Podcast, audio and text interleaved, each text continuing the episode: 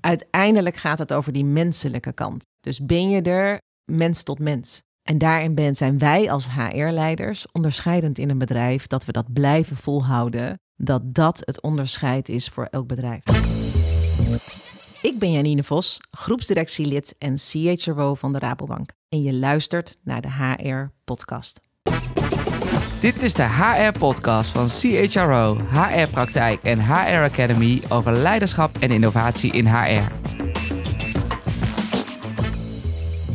Welkom bij aflevering 78 van de HR-podcast over innovatie en leiderschap in HR. Ik ben Twan Al. En ik ben Ruud Kamans. Onze gast van vandaag heeft wat je noemt een track record.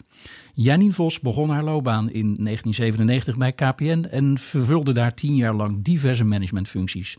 In mei 2016 werd ze bij Rabobank als CHRO benoemd. Volgens haar profiel kiest zij werkomgevingen waarin ze aan de slag kan met haar passie, veranderingen en mensen.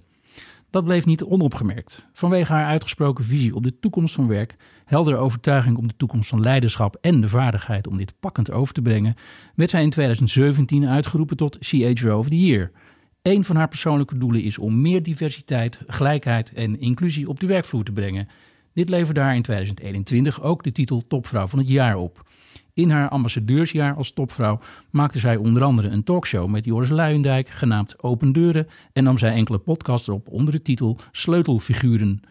Momenteel richt Janine zich binnen Rabobank op het doorvoeren van een aantal van een organisatietransformatie die moet leiden tot naadloze medewerkersreizen. Bijzonder hieraan is dat dit een nieuwe manier van werken vraagt, waarbij collega's met een facilitaire HR, IT, marketing en communicatieachtergrond in multidisciplinaire teams ernaar streven om deze medewerkersreizen van A tot Z te verzorgen. Daar gaan we de komende 30 minuten veel meer over horen. Welkom in de studio, Janine. Ja, dankjewel. Je hoort uh, momenteel veel werkgevers praten over de centrale rol die mensen hebben in de organisatie. En dat heeft natuurlijk ook impact op het daarbij te voeren HR-beleid.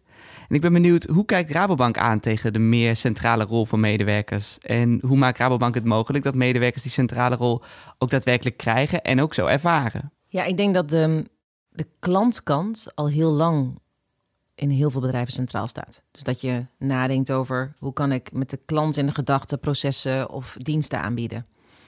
En het gekke is dat, we, dat over medewerkers, dat pas eigenlijk sinds corona of na corona heel veel gekomen is. Dat mensen dachten, oh, maar het is en, en moeilijk om mensen te krijgen. Dus ineens komt er een soort besef van, oh, maar medewerkers hebben ook een reis in ons bedrijf. Medewerkers hebben ook producten en diensten nodig. En als je dat op een hele goede manier doet, dan worden mensen dus gelukkiger in je organisatie, maar ook productiever. Dus het feit, dit komt eigenlijk na de customer journeys, komen employee journeys, denk ik. En die hele transformatie is denk ik al voor, de goede bedrijven zijn al voor corona gestart. Maar ik denk dat bijna iedereen op die manier erover nadenkt. Van wat nou als ik vandaag voor het eerst bij mijn bedrijf binnenkomt? Wat zie ik dan? Wat kan ik aan producten en diensten geven? Hoe kunnen mensen beter bij mij functioneren en hoe kunnen ze gelukkiger worden? Ja, dat vind ik ontzettend tof dat dat, dat, dat nu gebeurt. Um, en wij zijn daar heel actief mee bezig gegaan eigenlijk al een paar jaar geleden dat we dachten: als je nadenkt wat we doen als HR heel vaak, is dat komt iemand binnen, krijgt een arbeidscontract, gaat dan naar, uh, nou ja, soms een IT-desk en krijgt daar een, uh, een, een, laptop. Mhm. En vervolgens kom je naar allerlei hoek, hokjes binnen je eigen organisatie. En we zijn afgelopen jaar, en eigenlijk het jaar daarvoor, zijn we ermee bezig gaan, kunnen we dat niet allemaal bij elkaar voegen? En dat voor mij was het een soort. Ik kreeg een mail van. Of ik kreeg nee, ik kreeg een een, eh, een, foto van, van een van mijn collega's en die zei: Janine, kan dit niet anders? Dat was de eerste werkdag. Stonden bij ons in het pand in Utrecht. Stonden echt iets van, nou, ik denk wel een rij van honderd mensen die niet naar binnen kon. Omdat ze gewoon, het was een eerste werkdag, en pasje werkte niet. En ze hadden daar een foto van gemaakt. En voor mij was dat een soort schrikbeeld. Dat ik dacht, ja, maar dit, dit kan niet meer. Nee. Dit is gewoon klaar. Ik ben hier verantwoordelijk voor. En vervolgens zie ik dus in mijn gezicht wat ik, wat ik niet goed doe hoeveel uren zijn dit wel niet dat mensen niet kunnen werken? Hoeveel frustratie als dit je eerste werkdag is? En zo zijn we gaan doordenken. Uh, um, en toen zijn we eigenlijk besloten om alles wat te maken heeft met medewerkerreizen, dus iedereen die werkt, niet voor klanten, maar voor collega's, om die bij elkaar te plaatsen. Hmm. En dat is super cool. En zo werken we nu. En ik had gisteren uh, al mijn mensen bij elkaar. En dat zijn dus mensen van HR, IT, inderdaad, marketing, communicatie, facilities, die in kleine teams met elkaar werken aan een medewerkerreis. En dus denken we niet meer in stafafdelingen. Uh, of we denken niet meer in jij zit op deze afdeling. Maar we werken samen aan het beter maken voor medewerkers. Ja. En dus de start is altijd: wat zegt de medewerker en wat kunnen wij anders doen? En dat is echt super tof. Ik werd, word daar heel blij van. En waarom zitten er al die verschillende disciplines in dat team? Nou, omdat als je, je hebt elkaar nodig. Hè? Dus als ik denk mhm. over uh, bijvoorbeeld over communicatie, hoe moet ik mijn producten en diensten communiceren, heb ik een platform nodig. Dus het is wel fijn dat degene van, van Office 365, wij werken met Microsoft, dat die gewoon in mijn team zit. Dus ik ben verantwoordelijk ook voor Office 365. Ik ben verantwoordelijk voor RaboHub. Hè? Dus wat is de communicatie die we naar medewerkers doen? Ik ben verantwoordelijk voor het voedsel. Hè? Dus wat voor voedsel hoort bij ehm, wat wij willen uitstralen als werkgeversmerk? Ik ben ook verantwoordelijk voor het werkgeversmerk, maar ook voor de laptop die je krijgt. Ik ben verantwoordelijk voor de telefoon. Ik ben verantwoordelijk voor de contractsonderhandelingen met de telecombedrijven. Dus het is super divers. En daardoor echt heel gaaf. Ik heb ook zoveel geleerd van IT. Ik heb zoveel geleerd wat er anders is. Waar ik normaal met een nauwe blik naar HR keek. Mhm. Kijk ik nu veel meer wat heeft onze medewerker nodig. In plaats van dat ik mijn producten en diensten push. En bijvoorbeeld de integratie tussen een leerplatform en Office 365. He, dus dat ik dat kan integreren. En dat ik kan integreren tijdens corona. Um, van, nou ja, het zou fijn zijn dat we veel meer focustijd hebben. Of dat mensen wandel uh, uh, echt tussenmiddag tijd hebben. Dat kan je gewoon allemaal integreren. Je kan het ja je kan echt vanuit een andere manier kijken. Uh, en dat, is, dat was daarvoor gewoon niet zo. En misschien dat je luistert en denkt, oh, maar dat doen ze bij mijn bedrijf al. Maar ik denk dat heel veel bedrijven dat stiekem nog niet doen. En toch gewoon echt wel denken vanuit je eigen vakgebied. Ja, maar zoals jij het nu vertelt, is het uh, meer uh, verbonden met elkaar. Ja, maar mensen werken ook daadwerkelijk samen. Dus ik heb niet meer HR-mensen die alleen met elkaar werken. Ik heb, ik, wij hebben squads die met elkaar dus denken over die reis. Mhm. En dan maakt het dus niet uit van welke afdeling je komt. Je hebt een multidisciplinair team. Dus je zit niet meer alleen met, nou ja, zou je dat noemen, gelijksgezinde kijken vanuit alleen de menskant. Maar je kijkt dus ook vanuit de IT-kant, wat moet ik dan regelen? En die mensen zitten bij elkaar in teams en werken met elkaar elke zes weken. Ehm, aan producten en diensten of aan een betere proces voor collega's. Maar dat betekent dus ook dat die mensen die met uh, Office 365 bezig zijn, die zijn zich er ook van bewust dat de dienst die je daarmee aanbiedt of dat de activiteit die je daarmee faciliteert, dat die bijdragen aan die medewerkersreis. Precies. En alleen al denken van ik moet het voor medewerkers in plaats van ik moet mijn product en dienst nog beter maken of Microsoft nog mooi. Mo we zijn ook wel een beetje dol op ons vak allemaal. Ik ook. Ik kan ook echt nadenken over zo'n leiderschapsreis en dat nog dan perfecter maken. Terwijl als je er kijkt vanuit een IT-bril, mm. dan dat is totaal anders. Dus je, het is diverse. En wat ik ook heel, heel, heel gaaf vind, is dat HR was 70% uh, eh, vrouw, 30% man. IT 90% man, 10% uh, vrouw. En ik zie dat nu gemixt. Mm. Uh, en ik zag het gisteren allemaal. Gemi het is echt nu echt gemixt. Na een jaar mm-hmm. zie ik niet meer op een borrel staan de ene helft uh, IT en de andere helft HR. Maar het is echt bij elkaar. Um, Klinkt heel verfrissend. Ja, joh. Ik heb ook zoveel zelf weer geleerd. En lifecycle management bijvoorbeeld. Binnen HR is dat well-being. Is dat, is dat zorgen dat je echt denkt van wat, wat tot en met je pensioen, zeg maar. Hoe kunnen we zorgen dat je goed doorgaat? Lifecycle management bij IT is natuurlijk gewoon hoe lang je IT het doet. He, dus je, ook woorden, taal, um, hoe je praat over dingen. Mm -hmm. dingen die ik dan zei, dat ze echt dachten, wat, wat, wat, wat bedoelt ze? Ja, je wordt geconfronteerd met je eigen jargon. Ja, we hebben enorm jargon. Ja. En dus dacht ik ook, medewerkers snappen ook ons maar jargon soms echt gewoon helemaal niet. Nee, natuurlijk niet. Nee. En dus ook marketingcommunicatie zit nu ook. Uh, ik heb ook een, een, een, chapter, dus een vakmanschap marketingcommunicatie. Nou, vroeger dacht ik dat doe je zelf, maar echt nadenken over naar wie breng je je mm. Uh, want iedereen krijgt zoveel mails. Hoe breng je je verhaal? Naar wie breng je het? Mm In welke context zet je het? Wat is je strategie? Wat wil je eigenlijk bereiken? Nou, het viel mij op dat jullie spreken over medewerkersreizen. Ja. Ik heb dat nog nooit ergens zo gezien. Ik lees alleen maar Employee Journey. Ja. En dan hoor ik, dan hoor ik van CHO's zeggen... ja, mijn medewerkers weten helemaal niet wat het betekent. Ik denk nog steeds dat heel veel mensen niet weten wat het betekent. Ik wist dat in het begin ook niet. Iedereen sprak erover en dacht, ik dacht nou, mooie hype. Wat is het dan precies? Um, en nu we dat aan het uitwerken zijn, is eigenlijk heel concreet: waar hebben medewerkers last van? En dat maken we dan. Je hebt normale medewerkersreizen, hetzelfde als met klantenreizen. Van uh, ik wil een huis kopen, bijvoorbeeld. Dus um, ik wil ergens werken. Dat kan een reis zijn, hè? En dan Mhm. in die reis kom je Rabobank tegen. En dan moet jij dus eigenlijk hopen dat je bij ons komt werken. Hè? Dus hoe gaan we die reis designen? Mhm. Dat als jij bijvoorbeeld iemand bent met een data-achtergrond, hoe kom je bij ons uit en niet bij Google? Hè? Als een beetje als voorbeeld. Ja. Dus daar denken we over na. En wat dan als je bij ons op de Rabo-site kijkt? Hoe gaan we zorgen dat jij, als jij in het selectieproces, dat je bij ons wil komen werken en dat we zien hoe goed jij bent? Dat is ook een reis. ja. En dan de reis, mijn eerste werkdag. En toen kwamen we erachter, een eerste werkdag is voor heel veel mensen best een stress. Hè? Want je moet weten, hoe werkt een pand? Ja. Wie is mijn collega? Je moet, je, je, je- nou, al die nieuwe gebruiken. En voordat je het weet als bedrijf, denk je daar niet meer over na, want jij werkt daar al. En dus met al die informatie, met al die data, ga je dus, gaat zo'n squad aan de, aan de gang met een eerste werkdag bijvoorbeeld. En ehm, toen kwamen we erachter dat eigenlijk moet je mensen twee weken van tevoren alles al toesturen. Ehm, en dat hebben we nu. noemen we It's in the Box. Dus IT in the Box. En in de box zit, als je hem open doet, een recycle the box, waarin staat hoe werkt ons hybride werken? Wat zijn de waarden en normen? Wat vinden we de? Wat ga je je eerste dag zien? Ehm je eerste kop koffie krijg je er gratis in met een, met een sustainable mok. Ehm, je krijgt je laptop werkend erin. Je krijgt je telefoon werkend erin.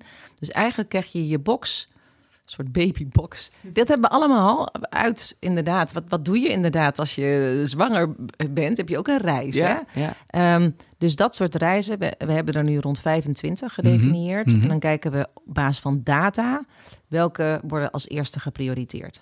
En deze werd bijvoorbeeld als eerste geprioriteerd omdat we zoveel nieuwe mensen hadden die bij ons kwamen werken.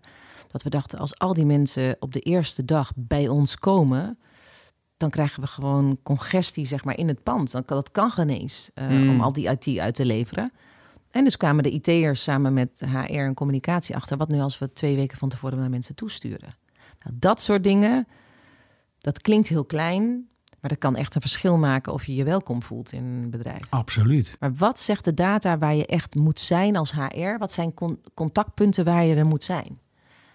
En dat is bijvoorbeeld bij ons kwamen we erachter dat je bij je tweede kind is, ben je het meest most likely, zeg maar, om ehm, te switchen van baan, om weg te gaan. Ja, ja, ja. En dus dan moet je er zijn, dan moet je bellen. Dan moet je zeggen, joh, zouden we je kunnen helpen met wat dan ook, of met een carrièregesprek, of, of, of want we weten dat het best lastig is hè, om werk en privé te combineren, zouden we je kunnen helpen. Dus door die medewerkerreizen ga je steeds meer automatiseren. En op basis van data kies je wanneer wil ik er zijn Mhm, ja. op de persoonlijke manier vanuit HR. ja, want die data die spelen hier dus ook een belangrijke rol in. Enorm. Ja, Enorm. Ja. Data is voor mij de basis toch wel waar ik begin. En data onderbouwt vaak mijn intuïtie, maar soms ook niet. Ehm, en dat is in medewerkerreizen wel heel belangrijk. Ik heb een bepaalde leeftijd, ik ben een vrouw. Ehm, je moet je niet denken dat jij alles weet van jouw medewerkers omdat jij een goede intuïtie hebt, om- of omdat jij wat vindt. Dat moet je dus ook wel ondersteunen met data. Wanneer liet jouw intuïtie je in de steek? Dat is wel een hele mooie vraag. Mijn intuïtie mij in de steek. Ehm, bijvoorbeeld dacht dat alle jongere medewerkers allemaal terug wilden naar kantoor. Dat is waar mijn intuïtie mee in de. Want dat bleek dus niet het geval. Dat bleek dus niet zo te zijn. En dat kwam omdat in de pers werd natuurlijk heel veel gezegd over jongeren willen naar kantoor. En eigenlijk kwam ik met data achter jongeren willen verbinding. Jongeren willen anderen zien. Jongeren willen leren. Vooral leren. Ehm, en ik dacht dat, dat dus we eigenlijk zeiden, maar we moeten de panden weer openstellen en allemaal vijf. Heel veel jongeren hebben ook bij ons kiezen gewoon voor dat hybride werken, vinden ze heel fijn, zolang het wel momenten zijn dat je connectie hebt met anderen en ook dat je kan leren van anderen. Maar dat is helemaal niet dat je zo moet denken. Dus soms denk ik ook nog wel misschien te veel in hokjes. Ja, nee, goed. Wij allemaal natuurlijk. Ja, Maar dit is wel interessant inderdaad. Want dat is wat, wat je wel altijd in de markt hoorde. Jongeren willen graag op kantoor, die willen graag connecten. ja. En nu blijkt dus uit de data dat dat dus helemaal Dat niet zo willen is. ze Tenminste, wel, Niet, niet over maar ze willen ook autonomie. En Ja. ze willen ook ehm, thuis. Hè, dus het gaat veel meer over autonomie en leren. Ehm, En dus merk ik ook dat ik zo nu en dan door die data... Kijk, mijn intuïtie zeggen wel, zegt heel veel... Maar je moet je ook weer niet te veel laten leiden door wat in de krant staat. Je moet echt toch wel kijken wat werkt voor jouw bedrijf en wat werken voor jouw mensen. Ja, dat is een hele goede, denk ik. Ja. Ja, Wat werkt voor jouw bedrijf? ja, Ja. ja. ja, Je had het net over eh, hybride werken. ja. Als we nou kijken naar de toekomst van werken, en we hebben het over hybride werken en diversiteit en inclusiviteit, dan lijkt het erop dat die thema's, de toekomst van werken, heel erg gaan beïnvloeden. Dat dat dominante thema's worden. Ehm, welke rol zie jij weggelegd voor die thema's? En hoe gaat dat de toekomst van werk bij Rabobank beïnvloeden, denk je? Kijk, weet je wat ik heel... Corona was slecht voor bijna iedereen. Hè? Ehm, en als je teruggaat nu, wat deden wij vandaag, twee jaar geleden? Dat is gewoon best wel lastig, hè? Om daar heel erg... Dus Dat is een bizarre vraag inderdaad. Hè? Als je dan in gedachten teruggaat naar twee jaar geleden. ja, Ja. En wat ook wel mooi is, of tenminste wat, wat, wat bizar is, dat voor ons is het al bijna weer eh, normaal of niet vergeten. Dat klinkt een heel groot woord, maar dit is wel anders. Mijn collega's in China bijvoorbeeld, sprak ik twee weken geleden. Ongelooflijk hoe lang die en nog steeds. Daar is het natuurlijk nog het is steeds, nog steeds. actueel. Ja. Het is nog steeds. Dus ehm, ook dat heeft mij, dat vind ik heel mooi aan het werken in een organisatie die, die ook in buiten Nederland geeft me ook altijd wel weer inspiratie dat ik Ja. dat ik. dat ik een soort empathie, dat ik denk ongelooflijk hoe deze crisis hebben we allemaal voor het eerst hebben we een crisis allemaal doorleefd. Mhm. Ieder mens op aarde. Dat is toch op ieder op zijn eigen manier.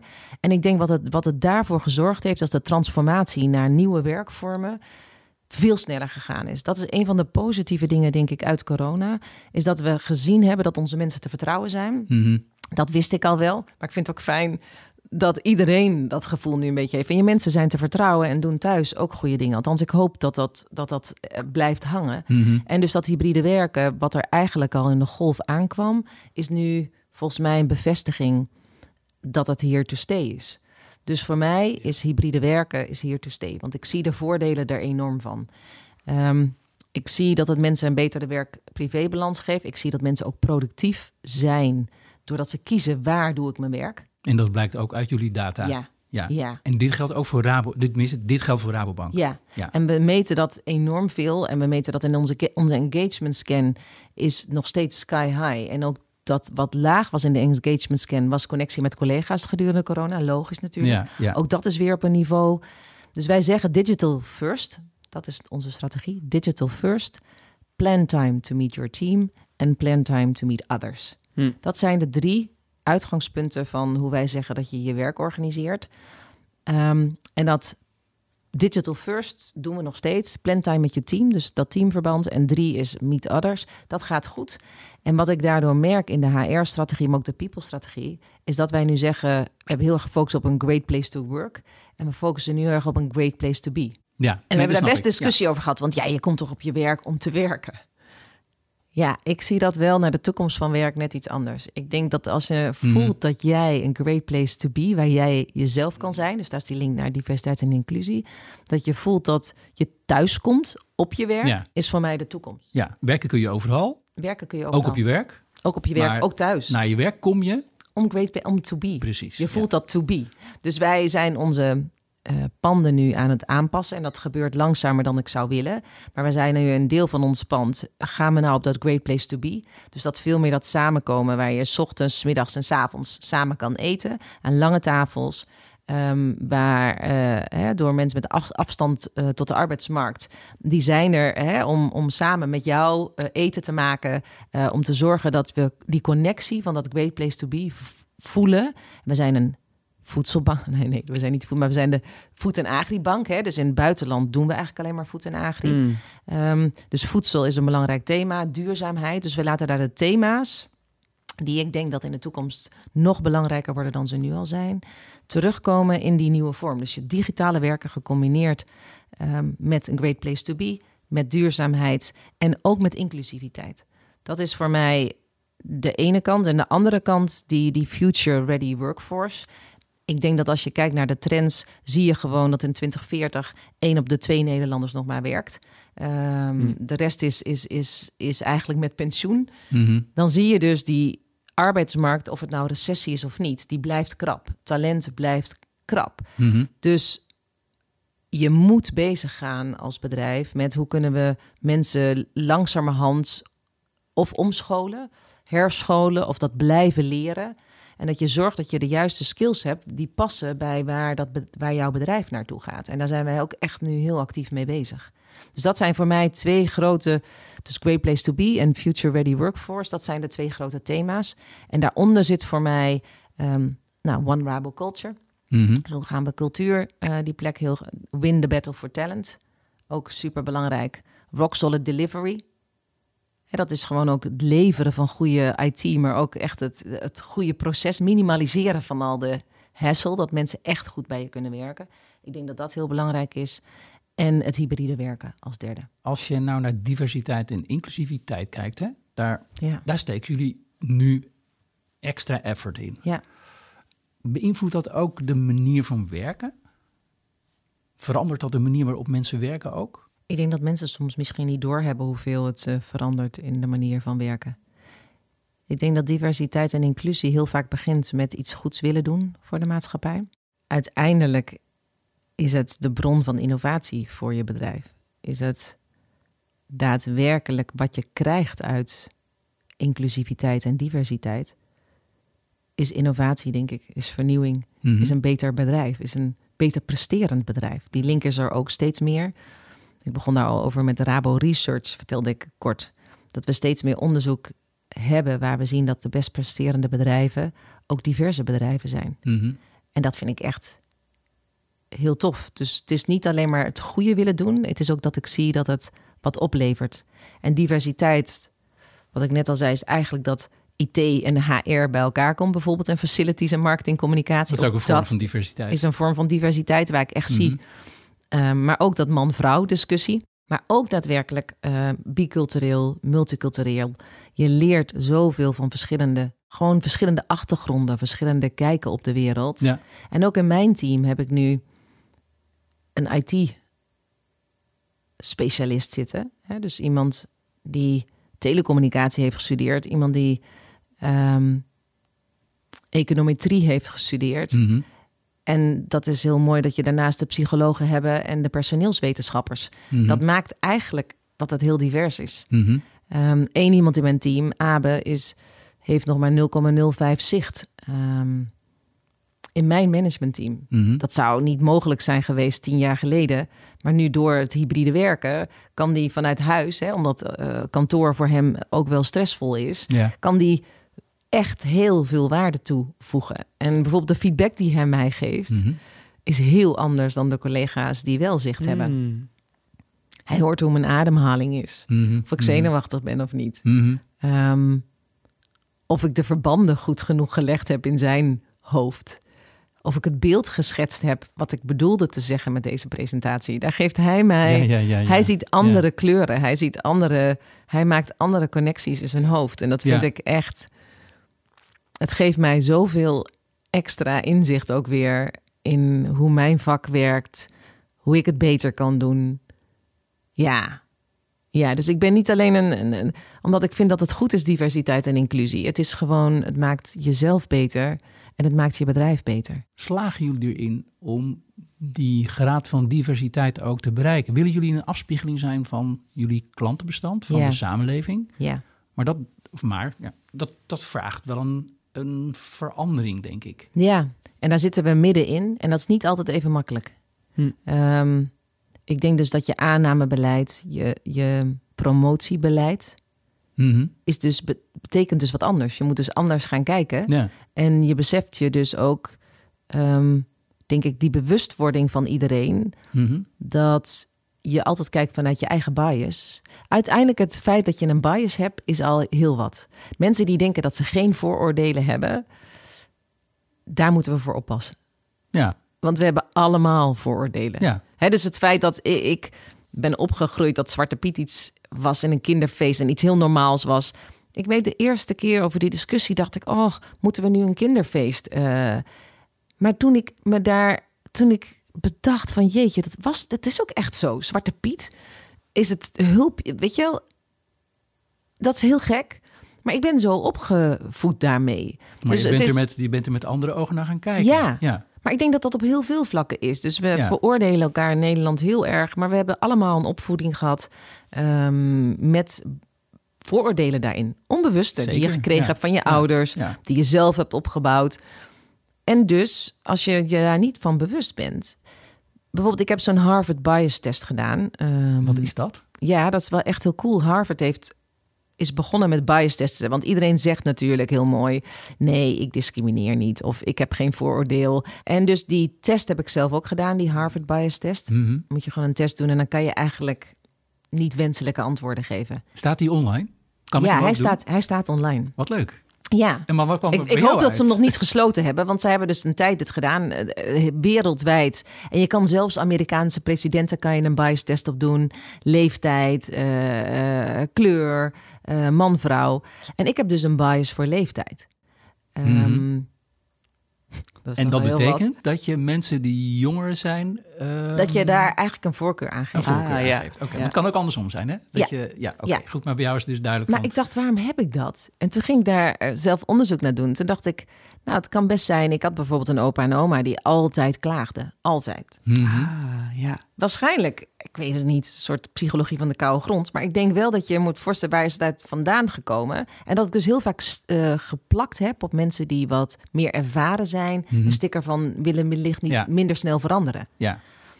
En toen ik daar zelf achter dacht ik, jeetje, dat ik daar een, dat ik dat ik dat heb. Wat, wat ongemakkelijk eigenlijk. ja. En wat ik nu doe in sollicitatiegesprekken is als iemand dus een antwoord geeft en ik denk, daar plak ik mijn sticker op van je zal, je zal wel minder veranderbereid zijn, Mhm. dat ik daar gewoon vragen over stel. En dan wordt het heel erg gewoon. En dat je, en dat je dan hoort dat iemand eh, daar dat helemaal niet bedoelde wat hij zei, maar hij wilde daar. Dus je gaat gewoon eigenlijk, je bent gewoon bewust van waar jij een vooroordeel Mhm. op, op hebt. En ik denk dat dat iedereen heeft een vooroordeel. En het feit dat je dat niet doorhebt, moet je er eigenlijk naar gaan onderzoeken. Waarom heb ik dat? En hoe kan ik zorgen dat ik daar wat mee doe? ja. En voordat het wordt dat we allemaal beschuldigd worden van hè, dat je de, de, de, de maatschappij gaat te veel in de beschuldigende stand zitten. Mhm. Ten, En als je beschuldigen ten aanzien van? Nou, bijvoorbeeld van je, je nou, Janine, je discrimineert eh, mensen met ervaring of ehm, mensen met kleur of Mhm. eh, man of vrouw. Het wordt zo gepolariseerd. Ja, ja, ja. Maar we zullen, we hebben een prachtige samenleving en die is divers. En dat is nog steeds niet zo in bedrijven. En hoe zorg je er nou voor dat je die stap met de, met de organisatie als Rabobank ook daadwerkelijk zet? Hè? Want wat je leest in de literatuur ehm, en in allerlei publicaties, en dat zie je ook bij organisaties in de VS, die denk ik nog meer ervaring hebben met, met beleid op diversiteit, dat het vaak te laag in de organisatie wordt belegd, het onderwerp diversiteit, en dat het dus eigenlijk totaal niet van de grond komt. Het blijft bij een soort van window dressing. We doen er wat aan. En in de praktijk zie je dat er maar heel erg weinig verandert. Hoe, hoe ga jij dat bij Rabobank anders aanpakken? Weet je, ik vind het voorbeeld van vrouwen aan de top vind ik al best een mooie start. Hè? Mhm. Het is niet dat we er al zijn, maar het is een mooie start. Toen ik begon bij Rabobank zaten er 7% vrouwen in de top. Nu was onze raad van bestuur dan, waar ik in zit, is 50% vrouw. En daaronder 35% vrouw en daaronder 37% vrouw. Dus je ziet dat een goede pijplijn, dat als een top iets wil, dat je benoemingen gewoon open houdt. Dat je niet denkt dat je automatisch maar met een, een man benoemt. Dat je ook durft om een vacature drie of vier maanden open te stellen of Mhm. open te laten. Dat soort dingen schept dat mensen gaan geloven dat het verandert. Dus ik ben helemaal met je eens. Je moet bij de top ook echt wat doen, want anders verandert het niet. En daar ben ik Wiebe Draaier, onze ehm, vorige CEO, echt heel dankbaar voor. Hij heeft dat echt, hij geloofde erin en hij deed het ook echt. En dat geeft zo'n empowerment. Ik zie nu dat we de volgende fase ingaan, als je het hebt over multicultureel. Ehm, we zaten op 3%, toen 7%, nu 12%. Nog lang niet genoeg. Dat gaat moeilijker en dat gaat ook zwaarder. Eh, ik denk dat het ook wat beladener is in Nederland. En ik denk dat er ook een soort. Ja, ik denk dat dit onderwerp echt nog moeilijker is, omdat er ook een soort politieke kleur aan hangt die ik echt niet prettig vind. Ehm, en wat ik zie is dat heel veel multiculturele talenten Mhm. toch harder hebben moeten werken. Ja. En dus vind ik vanuit vaak in een opvoeding twee verschillende werelden zien een enorme verrijking zijn voor je bedrijf. En tegelijkertijd zeg heel veel multiculturele talenten ook: ik heb zo hard moeten werken. Ik ben er ook een beetje boos over.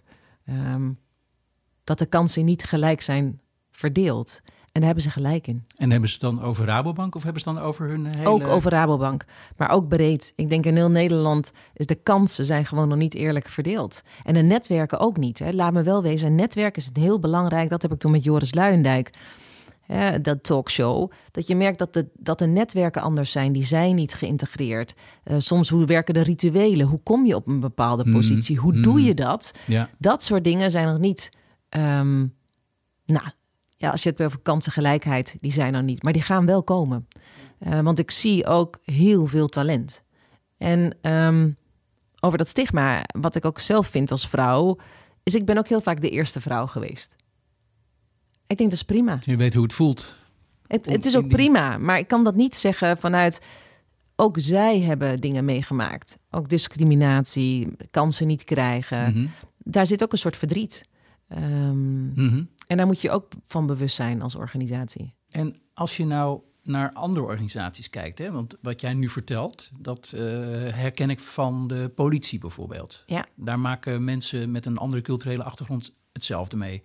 En die zijn er na vijf of na tien jaar zijn ze zo afgeknapt ehm, dat, ze gewoon, dat ze de organisatie verlaten. Ja, en dat kan soms, hè? Ik bedoel, dat, hebben, dat, dat, dat heb ik ook gehad met collega's of met andere vrouwen. Dat je soms dacht van, hier ga ik weg zijn. Dat, dat is ook goed. Maar uiteindelijk gaat het over dat je steeds meer talentvolle mensen bij je binnenkrijgt. Dus diversiteit. Daarnaast werken aan inclusie. Van wat betekent dat nou? Wat, wat, hoe kunnen we allemaal een andere bril opzetten? Dus die cultuur van inclusie.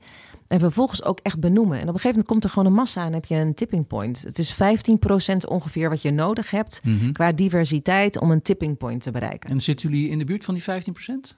Ja, ik denk dat we daar in de buurt zitten. Ehm, hè, met 13%.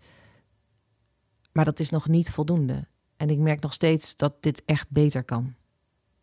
En daar ga ik me ook echt heel hard, daar zet ik me elke dag heel hard voor in. Eh, omdat ik de kracht daarvan zie en niet de zwakte. Janine, is er iets waarvan jij van tevoren dacht van... dat wil ik nog wel eventjes eh, benadrukken? Uiteindelijk gaat het over die menselijke kant. Dus ben je er mens tot mens? En daarin ben, zijn wij als HR-leiders onderscheidend in een bedrijf dat we dat blijven volhouden.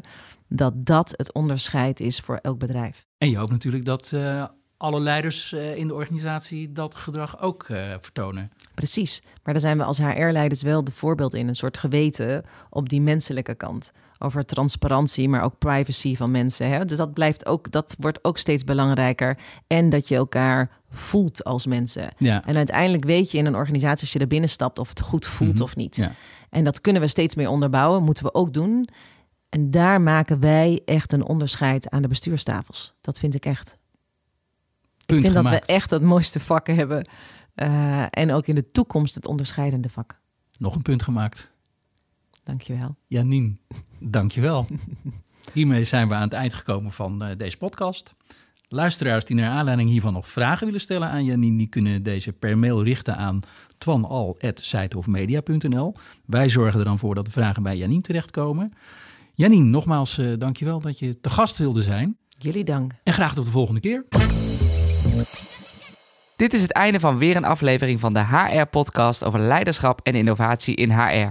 Vind je dit een leuke podcast? Geef dan je 5-sterren review in Apple Podcast of Spotify. En heb je suggesties voor gasten voor een volgende aflevering? Stuur dan een mailtje naar redactie.hrpodcast.nl. Dank voor het luisteren en tot de volgende HR-podcast.